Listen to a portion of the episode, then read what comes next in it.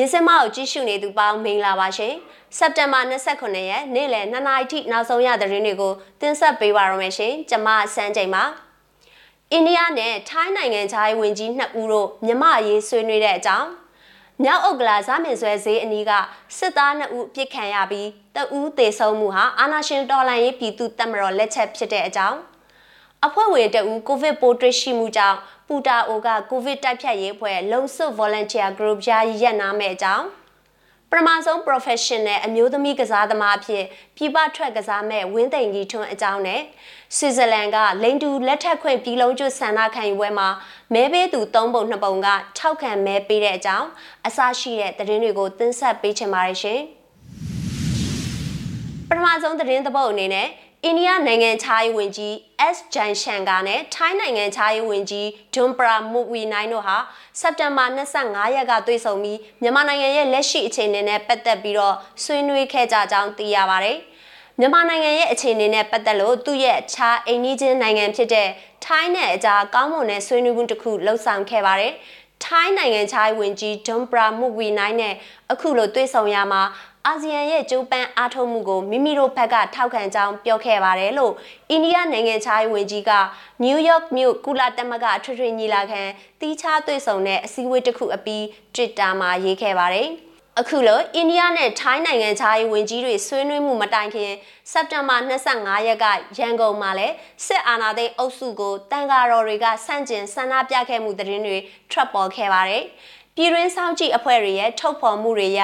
အာနာသိန်းစစ်အုပ်စုကအပြစ်မဲ့အရက်သား1100ကျော်ကိုတပ်ဖြတ်ထားခဲ့တယ်လို့ဆန္ဒပြမှုတွေပေါ်လူမဆန်ရက်ဆက်စွာဖြိုခွင်းမှုအတွင်းလူပေါင်း8400ကျော်ကိုဥပဒေမဲ့ဖမ်းဆီးထိန်သိမ်းထားခဲ့ပါတယ်။ကုလသမဂ္ဂအနေနဲ့မြန်မာနိုင်ငံအကြက်တဲအတွက်ထိထိရရောက်ဆောင်ရွက်ထားနိုင်ခဲ့ခြင်းမရှိဘဲရှေ့ကိုဘလို့ဆက်သွားမယ်ဆိုတာနဲ့ပတ်သက်ပြီးတော့လည်းသဘောတူညီမှုမရသေးပါဘူး။ မြန်မာအာဏာသိမ်းစစ်အုပ်စုပေါ်အနောက်အုပ်စုနိုင်ငံတွေကဒဏ်ခတ်အရေးယူမှုတွေချမှတ်ထားပေမဲ့တရုတ်အိန္ဒိယနဲ့ဂျပန်တို့လိုအာရှအင်အားကြီးနိုင်ငံတွေကမြန်မာစစ်အုပ်စုပေါ်ဒဏ်ခတ်ပိတ်ဆို့မှုကိုအားမပေးတဲ့သဘောထားတွေထုတ်ဖော်ထားပါတယ်ရှင်။နောက်ထပ်သတင်းသပုတ်အနေနဲ့ရန်ကုန်တိုင်းမြောက်ဥက္ကလာပမြို့နယ်စားမင်ဆွဲဈေးလမ်းဆောင်မှာစက်တင်ဘာလ26ရက်ညနေက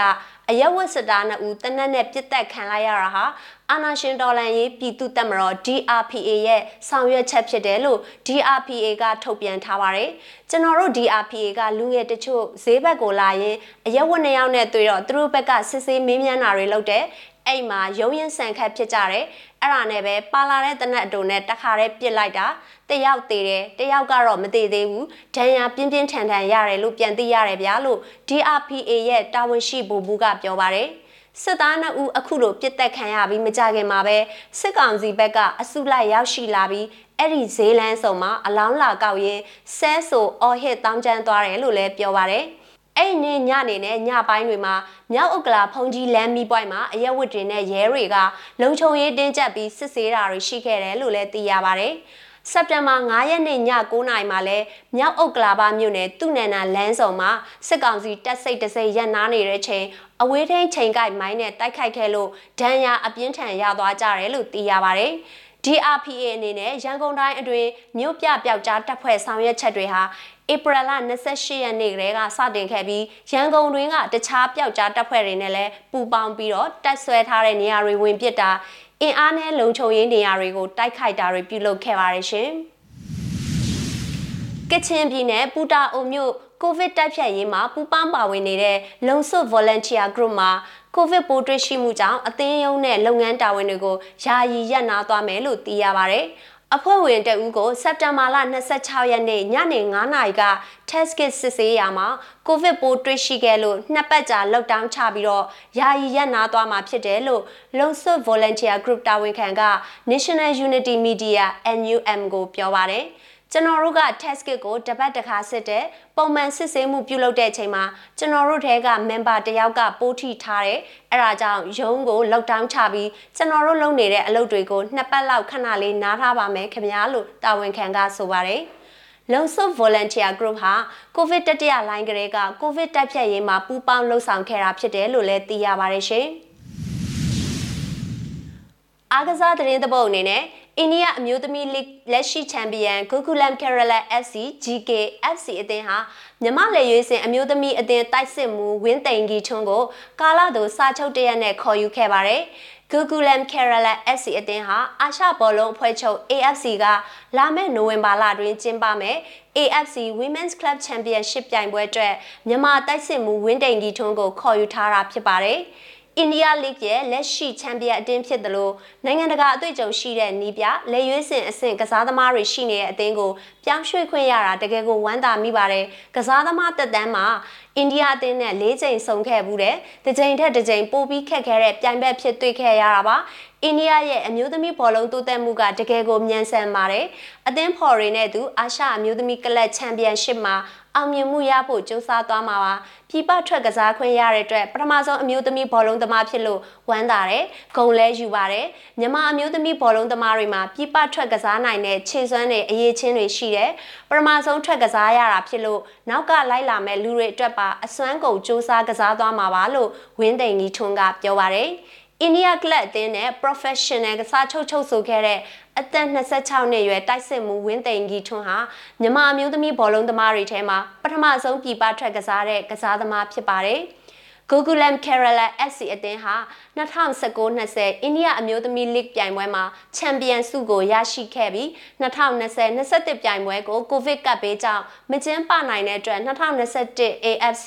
Women's Club Championship ကိုအိန္ဒိယနိုင်ငံကိုစားပြုဝင်ရောက်ရှင်ပြိုင်ခွင့်ရတာဖြစ်ပါတယ်။ အိန္ဒိယအမျိုးသမီး professional လိပြိုင်ပွဲကို2016စက္ကွန်ဘောလုံးရာသီမှာ6သင်းနဲ့စတင်ခဲ့ပေမဲ့2018စက္ကွန်ရာသီမှာအသင်းပေါင်း12သင်းနဲ့ကျင်းပပြုလုပ်ခဲ့ပါတယ်။အိန္ဒိယအမျိုးသမီး professional လိဟာ2019-20ရာသီမှာနိုင်ငံခြားသားကစားသမား၄ဦးကိုခေါ်ယူခဲ့ရာ Gokulam Ferrala FC အသင်းကနီပေါ်နဲ့ Ivory Coast ကစားသမားတဦးစီခေါ်ယူစာချုပ်ချုပ်ခဲ့ပါတယ်။ Gokulam Kerala FC အသင်းကို2018ဇန်နဝါရီလမှာစတင်တည်ထောင်ခဲ့ပြီးအိန္ဒိယအမျိုးသမီးလက်ရွေးစင်ကစားသမား9ဦးပါဝင်ကစားနေပြီးတော့ပြီးခဲ့တဲ့လပိုင်းကလက်ရွေးစင်ကစားသမားတွေဖြစ်တဲ့ Seju FC အသင်းကတိုက်စစ်မှု Dangmei Grace ကိုခေါ်ယူခဲ့သလိုအဓိကဂိုးသမား Editi Chanhan ကိုလည်းစာချုပ်တသန်းတုံ့ပြန်ခဲ့ပါတယ်ရှင်။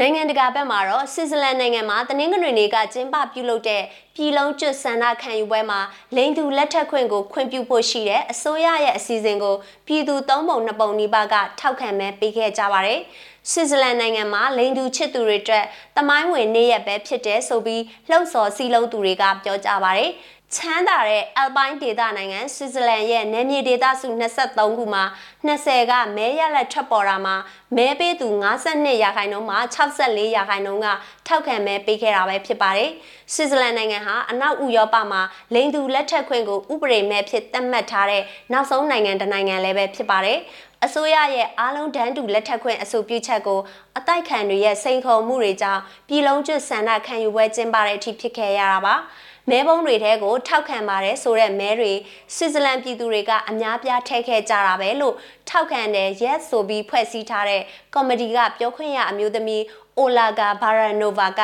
AFP ကိုပြောပါတယ်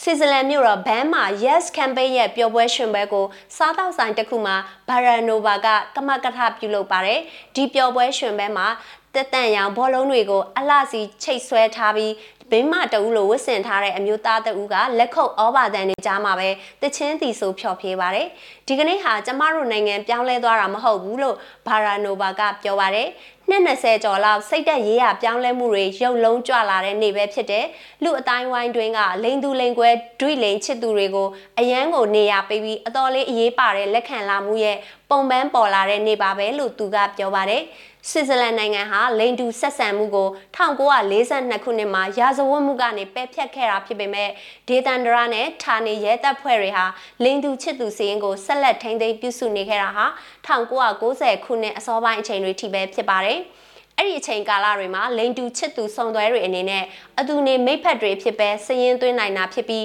နှစ်စဉ်900ခန့်ရှိပါတယ်။ ဒါပေမဲ့ဒီအနေအထားမှာနိုင်ငံသားဖြစ်လက်ခံတာနဲ့အတူတကွကလေးမွေးစားတာတွေအပါအဝင်တာမန်ယောက်ျားနဲ့မိန်းမတို့အိမ်ထောင်ပြုထိမ်းများတာလို့အခွင့်အရေးမျိုးမရပဲရှိခဲ့တာဖြစ်ပါတယ်။ဒီအရေးကိုနှစ်တော်ကြာဆွေးနွေးငင်းခုန်ကြရအပြီးမှာလူဦးရေ8.6တန်းရှိရာဆွစ်ဇာလန်နိုင်ငံရဲ့လွှတ်တော်ကနေပြီးခဲ့တဲ့ဒီဇင်ဘာမှာလိန်သူလက်ထက်ခွင့်ကိုအတည်ပြုခဲ့တာဖြစ်ပေမဲ့အတိုက်ခံတွေကြောင့်ပြည်လုံးကျွတ်ဆန္ဒခံယူပြီးမဲပေးဆုံးဖြတ်လာတော့တာဖြစ်ပါတယ်ရှင်။ မြင်းစမရဲ့စက်တင်ဘာလ29ရက်နေ့လယ်2နာရီထိနောက်ဆုံးရရှိထားတဲ့သတင်းတွေကိုတင်ဆက်ပေးခဲ့တာပါကြည့်ရှုအားပေးတဲ့အတွက်ကျေးဇူးအထူးတင်ရှိပါတယ်မြမပြည်သူတွေဘေးအန္တရာယ်ပေါင်းကကင်းဝေးကြပါစေရှင်